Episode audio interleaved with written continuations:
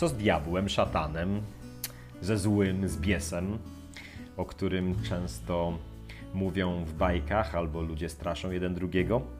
Pismo Święte mówi o tym, że ta osoba była kiedyś bardzo blisko Pana. W księdze Ezechiela mamy napisane, że on był nazwany gwiazdą jutrzenki, która upadła nisko, która była pierwszym z Bożych stworzeń, najwspanialszym z Bożych stworzeń, a później zaczęła handel. Możemy się tylko domyślać, na czym ten handel polegał, prawdopodobnie na wymianie jakichś cech. Czyli handel polega na tym, że coś dajesz i bierzesz coś w zamian. I tak samo szatan handlował, coś dawał i coś brał w zamian. I jest napisane, że wskutek tego handlu, wskutek tego dawania i odbierania, dawania i odbierania, on przestał być mądry po to, żeby być wspaniały. On postanowił być wspaniały i za wspaniałość, czyli za bycie podziwianym, on oddał swoją mądrość. I potem znaleziono w nim pychę. Pycha prowadziła do tego, że on uważał siebie za równego Bogu. Chciał postawić siebie na równi z Bogiem. I Jezus mówi o nim, że on jest przeciwnikiem.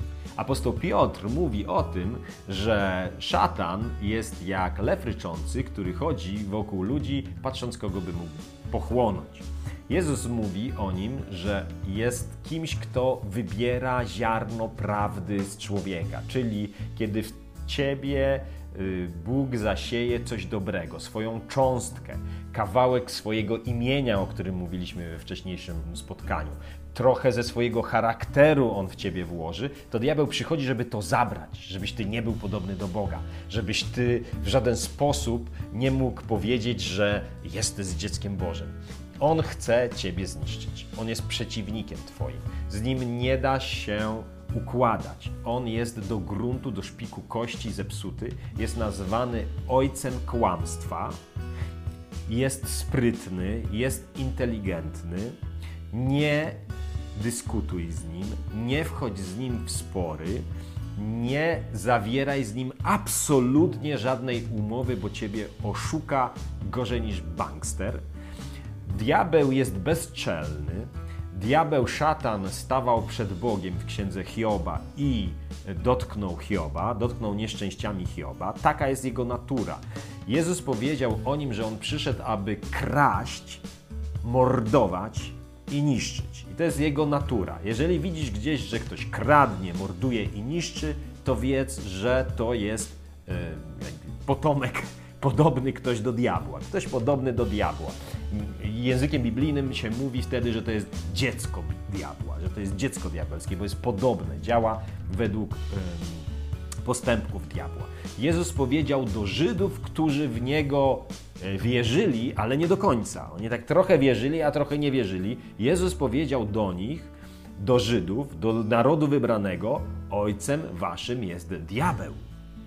Oni zapytali dlaczego, a on powiedział: Dlatego, że chcecie mnie zabić. Więc jeżeli ktoś chce mordować, ma jakąś rządzę mordu, zabijania, złodziejstwa lub niszczenia, to jego ojcem jest diabeł. Zachowuje się jak dziecko diabła. I diabeł został też pokonany przez Jezusa Chrystusa e, na krzyżu, a potem kiedy zmartwychwstał. Co to znaczy pokonany? To znaczy, że Jezus wystawił go na pośmiewisko, wywlókł go w triumfalnym pochodzie, wystawiając go na pośmiewisko, jak mówi list do Efezjan, list świętego apostoła Pawła do Efezjan. Czyli diabeł w tej chwili nie ma tej mocy, którą miał przed y, śmiercią i zmartwychwstaniem Jezusa. On już nie ma tej władzy, nie ma żadnej mocy, która by była jego. Każda moc, którą ma, on po prostu ukradł.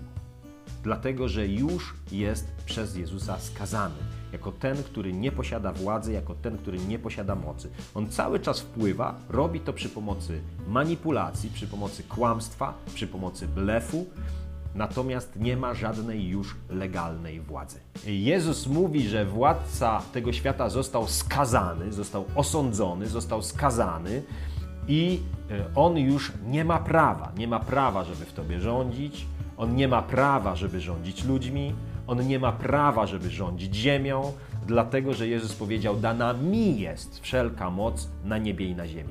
Jezus to mówi dokładnie w tej samej Ewangelii, w której wcześniej jest przez diabła kuszony że diabeł mu da władzę.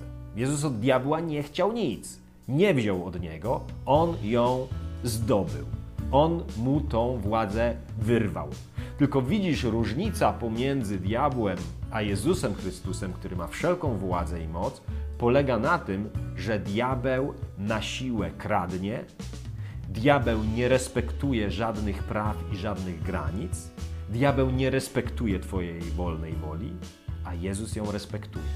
Więc chociaż Jezus ma wszelką władzę, to respektuje Twoją władzę nad Twoim życiem. Jeżeli zapragniesz, jeżeli zechcesz, jeżeli się zdecydujesz, żeby Jezus rządził Twoim życiem, to On będzie rządził Twoim życiem.